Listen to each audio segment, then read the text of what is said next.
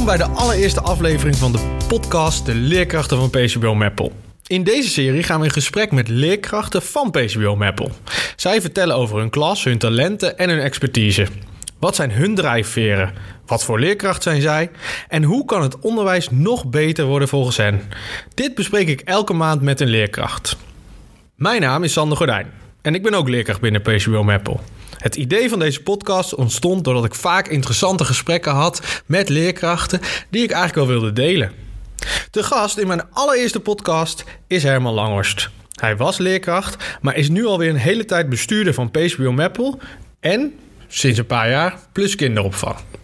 Welkom Herman. Ja, dankjewel. Leuk dat je er bent en uh, we zijn hier op kantoor. Ja, nou we zitten hier nog maar net. Hè. De aanstaande vrijdag is eigenlijk de opening van dit kantoor. En uh, ik ben er heel trots op. Het is een hele mooie plek hier in, uh, in Meppel. Maar het is ook een plek waar leerkrachten welkom zijn. En dat zie je ook wel als je hier een beetje om je heen kijkt. En het gaat nog wat meer gebeuren. Dat leerkrachten hier ook nou, activiteiten kunnen ondernemen. Dat teams hier kunnen vergaderen. Dat er bepaalde commissies zijn die hier samen kunnen werken. Uh, op een ontspannen manier. Even uit de school, dat kan soms ook heel goed zijn voor uh, vernieuwende ideeën. Ja, want mensen kunnen dit luisteren, maar we hebben het ook inderdaad een camera erbij staan ja. dat we het op uh, YouTube kunnen laten zien. Dus als je dan kijkt, kun je zien dat we inderdaad niet echt in een kantoor zitten zoals het lijkt, maar gewoon aan een mooie hoge tafel. Ja. En hier wordt ook geluncht, begreep ik. En, ja, dat is echt een bewuste keuze. Ja, nou mooi. ja, mijn eerste vraag eigenlijk is, wie is Herman Langhorst? Ja, dan kijk ik even alleen maar vanuit het onderwijs. Ik ben gewoon onderwijzer. En daar ben ik ook heel trots op. En dat voel ik ook nog steeds. He, ook al sta ik nu al zo'n 10, 15 jaar niet meer echt dagelijks voor de klas. Um, ik ben onderwijzer. En ik vind dat ook een groot voordeel als bestuurder. Dat ik best wel kan voelen wat er in iemand omgaat die nog wel dagelijks voor de klas staat. Um, dat wordt ook wel een beetje door mijn vrouw gedaan. Die staat ook dagelijks gewoon voor de klas ja. uh, met 30 kinderen. Dus uh, als ik eens een beetje te zweverig ga worden, dan zorgt zij er wel weer voor dat ik met beide benen op de grond sta. Maar ik ben niet vergeten hoe het was om gewoon dus ook les te geven aan 30 kinderen. Ik had, mijn grootste klas die ik ooit gehad heb was 37 kinderen, een groep 8. En uh, ik weet dus wat je allemaal moet doen en wat er allemaal bij komt kijken. En ik heb dus ook heel veel respect voor de leerkrachten binnen onze organisatie omdat ik het gevoel heb dat ze tegenwoordig nog meer moeten doen dan wat ik tien jaar geleden moest doen. Alleen al als ik kijk naar de administratie, die enorm is toegenomen.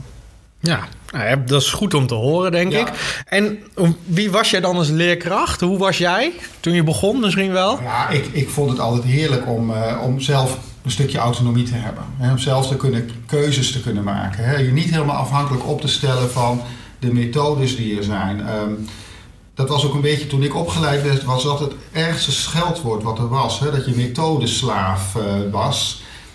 Ik merk helaas dat er uh, tegenwoordig wel heel veel methodeslaven zijn. Dat komt ook wel een beetje door de methodes, die heel weinig ruimte geven. Hè? Je moet je al precies aan alles houden en de opbouw. En het, de opbouw is natuurlijk hartstikke goed, want deskundige mensen hebben erover nagedacht. En het directe instructiemodel zit erin en de differentiatie zit erin. Maar het haalt zoveel van je eigen energie weg. Hè? Dat je gewoon zelf kunt bedenken van wat is nu goed voor deze klas? Wat is nu goed voor dit kind? Hè? Uh, hoe kan ik dit kind nou meekrijgen? En dat heb ik altijd mooier gevonden van het vak. Dat je gewoon, als je merkt dat iets niet helemaal overkomt bij een kind, dat je gaat nadenken van hoe kan ik het nou zo doen en zo vertellen ja. dat het wel overkomt. En dus dat echt je eigen ding. Ja, ik, dat heb ik altijd heel erg leuk gevonden. Ik weet nog, uh, dat is alweer een tijd geleden, maar eh, toen stond ik ook voor de klas, had ik ook groep 8. Dat was in 89 toen de muur viel. Ja, er was natuurlijk geen methode die nee, daar wat over nee. had. En toch hebben wij daar twee weken over gewerkt. De kinderen vonden het heerlijk, ik kreeg ook complimenten van ouders. Ik voelde mezelf heel plezierig, ging zelf de dingen uitzoeken. En hoe kun je nou zo'n grote historische gebeurtenis, hè, dat is natuurlijk de gebeurtenis hè, van de Ja. vorige eeuw, hoe kan je nou zorgen dat die kinderen die daar op school zitten dat ook nog weten over dit? Oh ja, toen zat ik in groep 8 en toen hebben we het er ook over gehad en toen hebben we met elkaar nagedacht wat het betekende. Ik denk dat.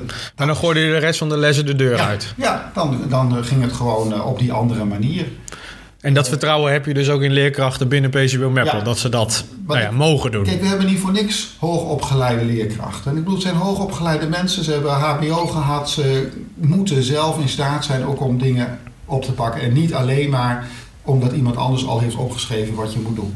Ja, nou mooi. En daarna ben je gewoon directeur van een basisschool geworden. Of eerst adjunct-directeur, geloof ik, en daarna directeur. Ehm, wat heb je daarin meegenomen van jezelf als leerkracht?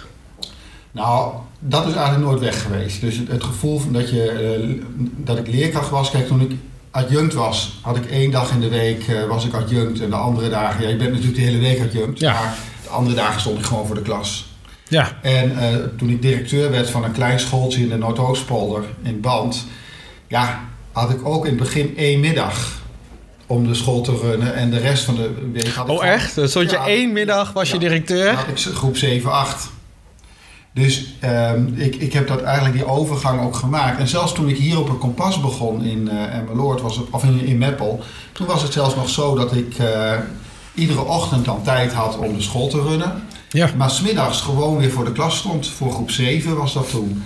Dus dat contact met die kinderen heb ik altijd heel erg belangrijk gevonden. En eigenlijk nu ook nog. Ik heb altijd nog eh, kindernevendienst eh, gedaan eh, binnen de gemeente. Nou ja, goed, net voor de kerstvakantie ben ik als Maarten nu zo rond geweest langs de scholen. En daar geniet ik gewoon heel erg van. Ik vind verhalen vertellen nog steeds heel erg mooi. Eigenlijk vind ik dat de belangrijkste vaardigheid van een leerkracht. Want als je kan vertellen, of het nou over geschiedenis gaat of Ja. over wat ook, als je, mensen, als je kinderen kan boeien, Die neem je mee in je verhaal. Dus, ja. meenemen in je verhaal. Dus ik vind het een vaardigheid die eh, nou, eigenlijk nog wel wat meer eh, geoefend zou mogen worden tegenwoordig. Maar ja, ik vind vertellen zelf ook heel erg leuk. ja, dus misschien nog wel beter dan voorlezen of gewoon echt... Voorlezen is, sommige mensen kunnen het hartstikke goed. Maar het grote nadeel is, je hebt geen oogcontact met de kinderen die, eh, waar je les aan geeft of waar je iets aan vertelt. Terwijl als je vertelt, dan zie je ook wat er gebeurt bij die kinderen. Dan kan je dan ook dan kan je net een stapje verder gaan. Hè, als het een spannend verhaal is bijvoorbeeld. Of juist niet, omdat je merkt van oké, nou moet ik even een beetje terug. Want je ziet aan de gezichten wel hoe die kinderen meeleven en dat helemaal meemaken. Ja, daar kan je zoveel mee overdragen. Ik vind dat een hele belangrijke vaardigheid voor een leerkracht. Ja, goed Als om te horen. Ja. Dan zouden ze daarop geselecteerd Ja, oké. dus ze moesten een verhaal vertellen tijdens een sollicitatie. Ja. En dan eh, worden ze aangenomen. Nou ja, Nou tijdens een proefles kan je daar natuurlijk wel iets van zien. Hè? Als je een bijbelverhaal aan het vertellen of zo. Dan. Ja, maar in, ondertussen is het directeurschap eigenlijk een fulltime baan. Dat hoor ik dus eigenlijk, was dat vroeger niet zo. Nee, eh, dat is eigenlijk de laatste jaren enorm, of de laatste jaren, de laatste twintig jaar is dat enorm gegroeid. Hè. Dat kwam om- omdat er steeds meer administratieve druk kwam. Ook eh, verantwoording, eh, wat directeuren moesten gaan doen. Dus je kunt je nu haast niet meer voorstellen dat iemand nog maar één dag heeft om dat te doen. Nee, je kan me echt niet voorstellen. Nee, maar de overheid die kan dat ook niet, want die, die vraagt ook een heleboel dingen. Ik weet nog toen ik eh, dan algemeen directeur werd of bovenschoolsdirecteur, we hadden dat binnen, eh, de, eh, binnen Meppel niet. Er waren vier directeuren en die deden daarnaast ook nog een aspect van bovenschools. Hè, Ja. Bijvoorbeeld onderwijs of financiën. Ehm, en ik was er ook eigenlijk wel heel erg voor om dat op die manier te doen. Dat collegiale bestuur. Daarom was ik eigenlijk ook naar de polder, of naar, naar Meppel gekomen en vanuit de polder vertrokken. Want daar hadden ze net één algemeen Ja. directeur aangewezen. Nou, en eh, ik vond dat eigenlijk niet een goed systeem. Hier wilde het bestuur het toen toch op een bepaald moment. En toen heb ik eh, gesolliciteerd, omdat ik dacht van ja, straks krijg ik een bestuurder waar ik het niet mee kan vinden. Eh, de beste manier Ja. om dat te voorkomen is dan zelf maar te Dus solliciteren. eigenlijk je hebt gesolliciteerd op de functie die je zelf ehm, Ook- eigenlijk onnodig vond. Ja, ik vond hem op dat. Ik ik had zat zelf ook echt een beetje eh, na te denken: hoe ga ik nou. eh, wat moet ik nou allemaal doen? Ja, En eh, nou deed ik al veel van die dingen, want toen ik eh, algemeen directeur was, toen waren mijn collega's van de andere scholen. was, één was er vertrokken, de ander die was ziek. Dus ik moest al veel dingen overnemen. Ehm, dus toen ik de eerste, ik weet nog dat ik de eerste week eh, algemeen directeur was, en dat ik echt zat te kijken van, ja, wat, wat ga ik nou doen? ja, Ehm, want een van de dingen die, ehm, die van een algemeen directeur verwacht wordt, eh, ook door de inspectie heb ik vorige maand nog weer begrepen, is controleren, controle. Kijken of de leerkrachten wel doen wat hun is afgesproken. Kijken of de directeuren wel doen wat is afgesproken. Nou, ik heb zelf, ik vind controle doodmakend. Dus dat betekent dat Ja. een van die belangrijke taken van eh, maar controleren en maar kijken of mensen hun werk wel doen. Nee, ik vertrouw erop dat ze dat doen. En ik kan net vragen, hoe doe je dat dan? ja, nou, ik, geef mensen, ik probeer mensen het vertrouwen te geven om ehm, eh, dat ze weten dat, ze, dat ik ervan uitga dat ze hun werk doen. En dat is ook zo. Dan hoef je maar om je heen te Ja. kijken binnen onze schoolvereniging dat dat werkt. Eh, ik denk dat als ik op die controlestoel ga zitten, dat het averechts zou gaan werken. Kijk, natuurlijk zijn er altijd dingen, en directeuren doen dat natuurlijk ook, er zijn altijd dingen die gecontroleerd moeten worden. Maar er zijn, er zijn meer dingen waarin vertrouwen een veel groter effect heeft. Want de professional weet wat hij moet doen. Tuurlijk, Op dat moment dus jij zegt, nou, dan hoef ik niet te gaan kijken of dat gebeurt. Dat, is, dat geldt voor leerkrachten, dat geldt voor kinderen. Kijk, ehm, ik weet bijvoorbeeld van een collega die, eh, die komt dan op een school en dan ziet hij dat de kinderen buiten spelen. En dan gaat hij naar die collega toe van, joh, staat het wel op het lesrooster dat je niet buiten speelt? Ja. En, Dus dan is het lesrooster leidend en niet nou ja, eh, leerkracht. Is, is dit een keuze eh, die jij gebaseerd hebt op, eh, op, de, op het lesrooster? En dan denk ik van, als ik een leerkracht buiten zie spelen, dan A, komt die gedachte al niet eens bij me op. Nee. Dan denk ik van, die leerkracht zal een hele goede reden hebben om die buiten te spelen. Ja. En dat is ook meestal een hele goede reden om dat te doen. Ehm, dus ja, ik vond het bijvoorbeeld heel mooi, dat was voor de vakantie, dat één leerkracht die had een foto gepost op Twitter. De, alle kinderen stonden voor het raam, want het sneeuwde. En toen dacht ik, hoe vaak sneeuwt het in Nederland? Dat komt heel zelden voor. Ja. Dus wat goed van deze leerkracht dat hij nu met al die kinderen voor het raam staat om daarnaar te gaan kijken. En niet van, oeh, zou dat wel op het lesrooster staan? Hè, dus ik- Ja, of ga dan naar buiten. ja, als het dat één keer- ja. ja daardoor, maar het was ook natte sneeuw. Ja, het was niet Eh, echt leuk om in te spelen, hè, Het was maar wel een mooi gezicht in ieder geval. Ja. Dus ik denk dat, ik, ik vertrouw erop dat leerkrachten prima weten. Ja, dus in plaats van te zeggen de kinderen letten niet op, want het sneeuwt, ehm, zeg je van nou ga er naar kijken en daarna kun je weer verder. Ik zou het erger vinden als hij het niet zou doen, Ja. dan dat hij het wel doet. Hè? Ja. Dat is met heel veel activiteiten zo, dat je denkt van ja, hoe kan je nou... Ik weet dat een paar jaar geleden heb ik radio gemaakt met de kinderen. Nou, daar leren kinderen zo verschrikkelijk veel van. Want ze moeten muziek uitzoeken, ze moeten onderwerpen uitzoeken, ze moeten gasten regelen, ze moeten telefoneren. Wat is interessant? Nou, daar kwamen hele leuke dingen uit. Hè? Dingen die ik ook niet wist. Bijvoorbeeld was één jongen die had dan een oom die werkte in Zwartsluis. En die maakte boten toen voor de Olympische Spelen in Londen. Nou, die werd geïnterviewd. Er was een ander die had een oom die zat in Zwitserland omdat hij astma had. Nou, Ja. gebeld voor de radio-uitzending. Kinderen leren daar zoveel van. En toen kreeg ik toch van een aantal leerkrachten terug... ja, sorry hoor, daar hebben we geen tijd voor. Dan komen we niet door ons programma heen. En dan denk ik van, waar heb je nou je prioriteiten? Hè, op dat Ja. moment. Dan, ja, ik snap best wel, je moet veel. Maar denk dan ook even naar, wat is het effect van die keuzes? Hè? En als je nou bepaalde dingen waar kinderen heel veel van leren... niet doet, omdat je anders je boekje niet uitkrijgt... Ja, dus waar gaat het om? Wat zijn je Dat zijn leerdoelen? eigenlijk de belangrijkste dingen. Ja. En eigenlijk moeten leerkrachten die dus ook kennen, vind jij? Nou, dat is het natuurlijk. Hè? Want kijk, op het moment dat je echt een professional bent en je weet wat kinderen in een jaar moeten leren, hè? Wat, wat eigenlijk hè, van hun verwacht mag worden, dan kan je ook heel flexibel zijn. Ja, Want dan weet je ook van, oh, oké, maar dit is nu op dit moment niet zo belangrijk. Dat komt wel. ja, Hè? En, en dan kan je ook strepen. En je kan toevoegen. Maar op het moment dat je dat niet goed weet, ja, dan is die methode natuurlijk wel heel makkelijk. Want dan geeft die wel precies aan wat je doet. ja, als het boekje maar uit is, alle Ja. lessen gedaan zijn, dan eh, moet Dan het altijd- Ja. Ja, kan niemand jou iets zeggen, want je hebt gedaan wat er volgens de methode moest. Hè? Dus het is een beetje risicovoller als je eigen keuzes en je eigen autonomie gebruikt. Maar het is zoveel meer, het heeft zoveel meer effect bij kinderen. Want kinderen merken het ook gelijk. Hè? Dus ik, ik heb wel gemerkt, bijvoorbeeld als ik een, een, een les, hè, dat vind ik ook het kwalijke van die administratieve druk. Hè? Want Ja. het gaat ten koste van het voorbereiden van een les. Je moet ergens je tijd vandaan halen, dus dan doe je maar iets minder voorbereiding, want immers de methode geeft het toch al Ja. aan. Op het moment dat jij je les goed voorbereidt, dus je weet waar het over gaat en je vertelt erover en je vertelt iets over eigen ervaringen met dat onderwerp, nou dan zie je gewoon dat iedereen vol aandacht zit te luisteren. Ja, maar wat vind je dan bijvoorbeeld te zeggen nu eh, in de media of andere leerkrachten? Ja, in andere landen wordt veel minder les gegeven. Leerkrachten hebben meer tijd om lessen voor te bereiden. Of er was nu afgelopen weken eh, een kwartier pauze tussen elke les op middelbare scholen. Vind je dat dan goed dat leerkrachten meer tijd krijgen? Of zeg je er is genoeg tijd en ze moeten er gewoon minder administratie over doen? Ik denk dat het beide is. Ik denk dat wij relatief in, in Nederland eh, leerkrachten heel veel lessen laten geven, heel veel uren les laten geven. Nou, die moet je ook allemaal voorbereiden. Dan zie je ook nog de ontwikkeling van het continu rooster. Dat je echt zo'n hele dag eigenlijk Ja. morgens al in je hoofd moet hebben. Ja, je kan niet meer halverwege de dag heb je een uur tussendoor. Als je dan aan het eind van de dag de tijd hebt om die dag voor de, van de volgende dag voor te bereiden. Maar als die helemaal wegvalt doordat je allerlei dingen moet nakijken, contacten met ouders hebt, eh, moet administreren.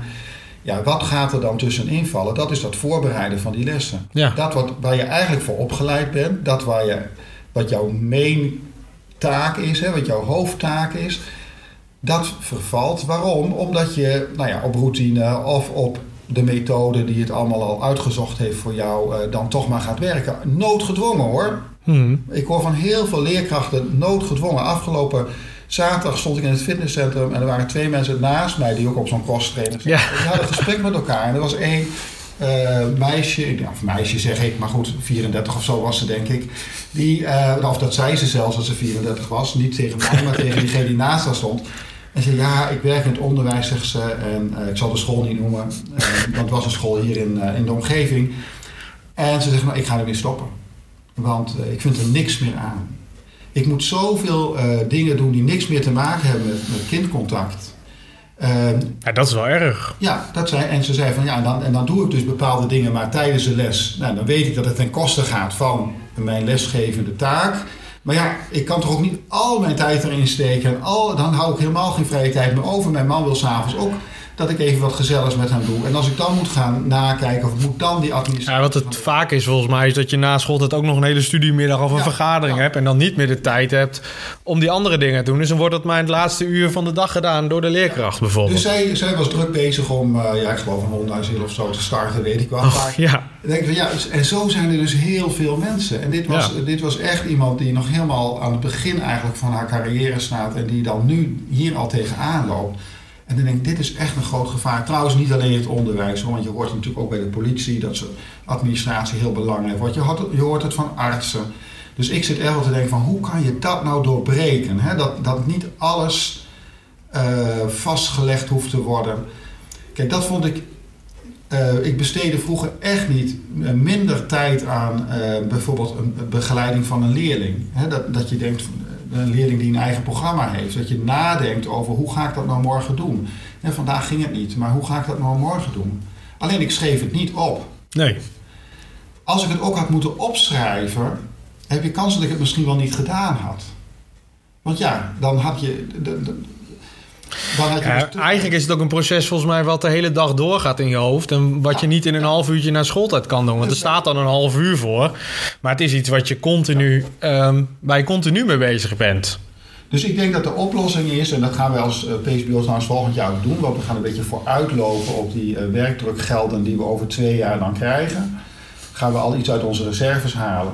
Eh, want het punt is dat je, als je eh, geld uitgeeft aan personeel, dat zijn altijd lasten die langer duren natuurlijk. Hè? Want je neemt Ja. iemand aan en daarna heb je verplichtingen aan die persoon. Dus als je incidenteel geld krijgt, dan kan je dat niet doen. Nou, dat was in het verleden steeds zo. Dan kregen we wat geld.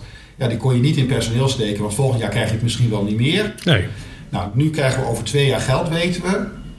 Dus wij gaan nu onze reserves aantasten, a- aanpakken eigenlijk, eh, om Ja. eh, al eerder daarmee te beginnen. En dan, dan wil ik dus leer, eh, scholen eigenlijk de ruimte geven om te kijken van hoe kan ik werkdrukvermindering gaan doen. Dat kan op verschillende manieren. Je kan zeggen, bijvoorbeeld, hè, soms is een grote groep best wel handig. Ja, als je toevallig een groep 7 hebt en in die leeftijd heb je gewoon 30 kinderen. Nou ja, dan kan je in zo'n geval kan je zeggen, we doen een onderwijsassistent. Ja, Dat is misschien slimmer dan... eh, 20 kinderen en 10. En dan ja. moet je weer opsplitsen, kom je- combinatie. Ja. maken. Dus die vrijheid die zou ik scholen eigenlijk willen geven om te kijken van... Nou, is nou een onderwijsassistent? een Maar echt meer geld voor meer handen in de klas. Ja, meer handen in de klas. Of zeg je als school van nou, we maken gewoon kleinere groepen. Dat, in sommige situaties kan dat ook de goede eh, keuze zijn. Nou, dat is denk ik belangrijk. Eh, ik denk ook dat als het gaat om ehm, nou ja, een deel van de administratie en een deel van de zaken die wij allemaal doen, zeg maar, bu- buiten onze lessen om, dat dat ook wel door anderen gedaan zou kunnen worden.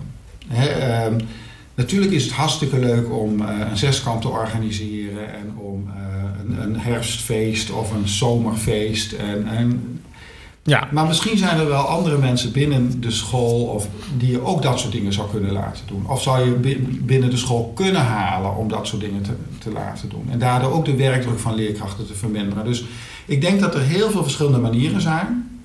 Maar dat we daar wel iets mee moeten doen. En dan vind ik wel, en dat is mijn overtuiging, dat de mensen op de werkvloer daar zelf even over moeten nadenken. Wat is in onze situatie nu de beste manier om de werkdruk zodanig te verminderen? je wilt niet weer opleggen, maar echt zeggen... eh, kijk op jouw school, Ja, wat het beste is. Hoe wil jij het oplossen of willen jullie dat samen oplossen? Dat is natuurlijk het belangrijkste. Nou ja, en dat is natuurlijk weer wat nu. Het is een beetje iets vreemds aan de hand op dit moment. Ik, misschien, misschien heb je het wel gelezen in de krant, maar onze nieuwe minister die wil het geld pas beschikbaar stellen als hij weet wat we ermee gaan doen. Hè? Nou, iedere situatie is anders. En ook heeft hij dus 50 scholen de gelegenheid gegeven. Ja. Om, en die krijgen 8000 euro. Nou, mensen, daar kan je werkelijk niks mee. Nee. Eh, dat, dat is Het was een paar euro per eh, leerkracht, ja, geloof ik. Gaan ze uitzoeken van wat dan manieren zijn om de werkdruk in het onderwijs te verminderen? Kan je dan iemand van buiten voor inhuren? Dus vooral voor die adviesbureaus is het natuurlijk Fantastisch. Ja. mooi. Maar wij weten natuurlijk best zelf hoe je dat moet doen. Ik denk het enige wat je wel heel duidelijk moet krijgen is van oké, die werkdrukvermindering ehm, is niet zozeer dat je minder werk moet doen, maar dat het werk is wat minder ehm, belangrijk is of wat, wat ook moet gebeuren, maar in ieder geval ten koste gaat van die lesvoorbereiding, dat dat wegvalt. Zodat die lesvoorbereiding, dat voorbereiden van wat je de volgende dag gaat doen met kinderen en hoe je dat gaat doen en welke materialen je daarvoor nodig hebt, dat daar weer tijd voor komt. Dus het is niet zozeer van nu mag je in plaats van om zes uur, mag je om half zes naar huis. Als dat alle regels Ja. zijn, hè? maar bij wijze van spreken. Je bent dezelfde tijd kwijt, alleen meer aan je passie, aan, je, aan, leer, aan lesgeven. Dus ja, en, en een andere mogelijkheid zou bijvoorbeeld zijn dat je toch gaat kijken in het basisonderwijs ook van, nou kunnen we iets meer met vakleerkrachten doen. Ja, dus eigenlijk de talenten van de leerkrachten meer Ja. inzetten. Dus meer kijken naar waar, waar is een leerkracht goed in misschien. Of waar zit zijn Nou, passie. Kijk, wij hebben bijvoorbeeld vakleerkrachten gymnastiek. Eh, als je zou zeggen van we laten alle lessen door de vakleerkracht doen. En die uren die daardoor vrijkomen, mogen leerkrachten besteden aan hun lesvoorbereiding. Ja, dan heb je ook een stukje werkdrukvermindering en kwaliteitsverbetering. Zowel wat de gymles betreft. Ja, Want ja, als leerkracht moet je maar alles kunnen. Hè? Dus je moet ook goed kunnen gymmen. ja. Hè? Dus, eh, en, en dan heb je de specialisten. Die geven de gymles. Maar je hebt zelf ook een uur tijd om, eh, of 50 minuten de tijd om je lessen beter voor te bereiden. Nou, dat zie ik ook als een mogelijkheid om de werkdruk te verminderen. Ja, en die gym is eigenlijk voor ons ook een onderwijsontwikkeling waar we bezig zijn. Ja. In ieder geval ehm, binnen de vakgroep, richting peuters, richting extra gym. Eh, maar ik ben benieuwd, wat voor onderwijsontwikkelingen zijn er nou nog meer binnen PCWO Mappel? Nou, eigenlijk is het in grote lijnen komt erop neer dat wij. ehm, nou ja, ik heb eigenlijk altijd als doel geha- eh, gehad van ik wil graag het best mogelijke onderwijs geven aan de kinderen hier in Meppel. En eh, ik, ik zeg daar wel eens bij van ik wil in ieder geval ouders die verstand hebben van onderwijs, die moeten hun kinderen op een van onze scholen aan willen melden. Omdat ze zien dat er goed onderwijs gegeven wordt. Nou, wat is goed onderwijs? Nou, dat is ook een beetje, daar, daar kun je ook verschillende dingen over denken. Maar ze gaan altijd uit van één heel belangrijk thema. En dat is dat dat kind centraal staat. En dat klinkt zo gemakkelijk, maar dat is helemaal niet gemakkelijk. Want op de meeste scholen staat de leerkracht centraal. Of de ouder, of het geld, of Ja. de rooster, of de methode. Ze zeggen dan wel het kind staat centraal. Maar vaak hoor je dat het kind niet past binnen het hokje. Ja, nou en dat Want dan komen ouders op gesprek en dan zit ja, u- ja, nee, geen goede CITO-score. Nee, en dat zou dus. Het kind staat centraal, dat heeft consequenties voor de leerkracht, maar dat heeft dus ook consequenties voor die ouder. En dat betekent ook, je kijkt naar het kind. En we weten gewoon dat er bepaalde periodes zijn die bij elk kind verschillend zijn, gevoelige periodes zeg maar, om te leren. Dat betekent dat het niet altijd precies past binnen het CITO-leerling-volgsysteem of binnen Nee. de toetsen die gedaan worden. Nou, daar moet ruimte voor zijn. Ehm, omdat ik echt ervan overtuigd ben, en dat wordt trouwens ook wetenschappelijk eh, bewezen, dat een stukje motivatie wat je nodig hebt om te leren, dat je dat krijgt doordat je autonomie hebt, doordat je zelf keuzes kan maken. Dat geldt voor onze leerkrachten, maar dat geldt ook voor onze kinderen. Eh, dat, Dus eigenlijk het verhaal wat je in het begin vertelde Ja. voor de leerkracht... vind je ook, dat moet dat voor het moet kind ook, moet voor het gelden. kind ook gelden. Die ruimte moet er zijn. En dan zie je dus binnen onze scholen ontwikkelingen die op allerlei verschillende manieren proberen om daar vorm aan te geven. Of het nu is eh, op het stadskwartier zoals ze dat daar werken, dat ze kinderen de keuzevrijheid geven om bijvoorbeeld in een stiltezone te werken of hè, in, een samenwerkzone of juist extra instructie kunnen krijgen. Je ziet dat leerkrachten op zoek zijn naar manieren die passen binnen hun organisatie. Dat zie je bij talent, maar dat zie je net zo goed op de Beatrix School. Dat leerkrachten manieren zoeken om dat kind uh, centraal te stellen. Echt centraal te stellen. Nou, en, en, dat moedig ik heel erg aan. En dan zijn er natuurlijk andere dingen. We weten ook dat, dat bijvoorbeeld um, voor een goede ontwikkeling heb je inderdaad ook um, een goede motorische ontwikkeling Ja. nodig. Dus vandaar dat wij ook echt inzetten op uh, be- bewegen Ja. en gezond bewegen en creativiteit. Uh, dat laatste, dat, dat wil ik eigenlijk in de komende jaren nog wel wat meer doen. Hè. Dat, dat, we hebben heel erg ons geconcentreerd de afgelopen jaren op bewegen. Hè. We hebben echt goede vakleerkrachten in dienst. Uh, we hebben een heel programma voor peuters. We hebben sinds kort het extra gymprogramma waar kinderen gebruik van kunnen maken die nou, motorisch iets extra's nodig hebben. Um, nou, dat is belangrijk voor je motoriek. Dat is trouwens ook heel erg belangrijk voor je sociaal-emotioneel welbevinden. Hè? Want als jij altijd degene bent die niet met de bal kan gooien. Ja. En je krijgt nu gewoon een paar technieken aangeleerd waardoor je het wel kan. Dat is natuurlijk ook voor je eigen gevoel heel erg belangrijk. Ja, je ziet sowieso volgens mij het verschil dat je niet meer hebt dat je als laatste gekozen kan worden. Maar dat het erom gaat dat iedereen aan het bewegen is op zijn eigen niveau. En dat je dan er mag zijn, zeg maar, als kind. Ja, maar overigens, dat is natuurlijk het meest verschrikkelijke. Ja. Ik bedoel, ik, ik sta nu, uh, de, ik, ik, heb mijn uh, 30-jarig jubileum achter de rug. Ik heb nog nooit kinderen laten kiezen nee. uh, bij, bij gym of bij. dus dat inzicht had ik toen al. En als je dat dan soms nog ziet, het is al verschrikkelijk dat, Ja. als je dat. En de laatste wordt ook nog over onderhandeld, hè? Wie, wie je die dan krijgt. Want ja, die had ik de vorige keer al. Ja, Nee, dus dan moet jij nu en um, ja. nou, ja. Verschrikkelijk. Ja. Maar goed, ik ben heel blij dat we daar uh, met onze vakleerkrachten, en dat vind ik het mooie, daar hebben we onze vakleerkrachten ook op uitgezocht, die daar ook echt op zitten. Het is altijd een beetje een spanningsveld tussen presteren en plezier. Hè? Ja. En, en natuurlijk moet je ook, uh, ook bij sport, is presteren ook belangrijk. Dus hoe ga je dat nou op een goede manier doen, zodat niemand buiten de boot valt? Nou, ik vind dat onze vakleerkrachten dat op een hele geweldige manier doen. Als ik die lessen bijwoon, dan denk ik van... hier wordt echt gedifferentieerd en blijft iedereen in zijn waarde. Ja, nee, bij ons bij Talent is het heel mooi dat uh, meester Cor geeft daar gym. En ja. sinds kort werkt hij ook met onze digitaal portfolio, mijn bewijsstukken. En de kinderen filmen dus elkaar dat ze een koprol kunnen of een salto. En dan gaan ze terugkijken. En dat is het mooie van de digitale middelen ja. natuurlijk. Dat ze, uh, of ze het goed doen en wat er nog beter kan. En dan gaan ze het nog een keer proberen. En het verbazingwekkende is dat een kind uit, nou ja, neem groep 2, een uh, arrangement haalt van groep 5. En andersom is het ook zo, maar dat wordt niet zo benoemd. Het is gewoon zo voor die leerkracht, ziet dat. Ja. En dat vind ik gewoon heel mooi om te zien, dat die ontwikkeling echt gaande is. Nou, dat vond ik ook zo, zo nou ja, storend eigenlijk. We hebben een inspectiebezoek gehad en um, nou, daar zat ook een gymles in. Dus daar kon de inspecteur gaan kijken naar de gymles. Hij wilde ook zien hoe gaat het met differentiëren enzovoort. Ja. Toen gaven we het, uh, het, programma aan de inspecteur. Zo van, nou, dan is er een gymles, die kunt u bijwonen. Die hoef ik niet te zien. Toen dacht ik, hoe kan dat nou? Hoe kan het nou dat iemand dat zegt. Terwijl zo'n gymles zo belangrijk is voor kinderen. En ook als het gaat om hun uh, hersenontwikkeling. Ja. Maar ook als het gaat om hun totale ontwikkeling. En, en hij kan daar zien hoe er gedifferentieerd wordt. Maar goed, dat was ja, dat dus is toch nog ja. een ouderwetse beeld ja. van... oké, okay, maar daar gaat het niet echt om. Het gaat alleen om talen en rekenen. Ja, zo had ik op het kompas toen ik net begon. Want kwam de inspecteur en had ik groep 1. Dus ik bood aan, nou, de inspecteur mag bij mij wel op bezoek komen. Nee, hij, de inspecteur heeft geen interesse in groep 1. Hij wil pas lessen vanaf groep 2 zien. Dat ik dacht, oké, okay, dus eigenlijk... Nou, misschien was het wel dezelfde. Laten we het hopen. Ja, ja. maar dan voel je dus van ja, ik doe er niet toe. Ja. Want groep 1 wordt, oké, okay, hoe er soms ik het niet eens ben met de inspecteur, maar ik, ik, sta er wel voor open.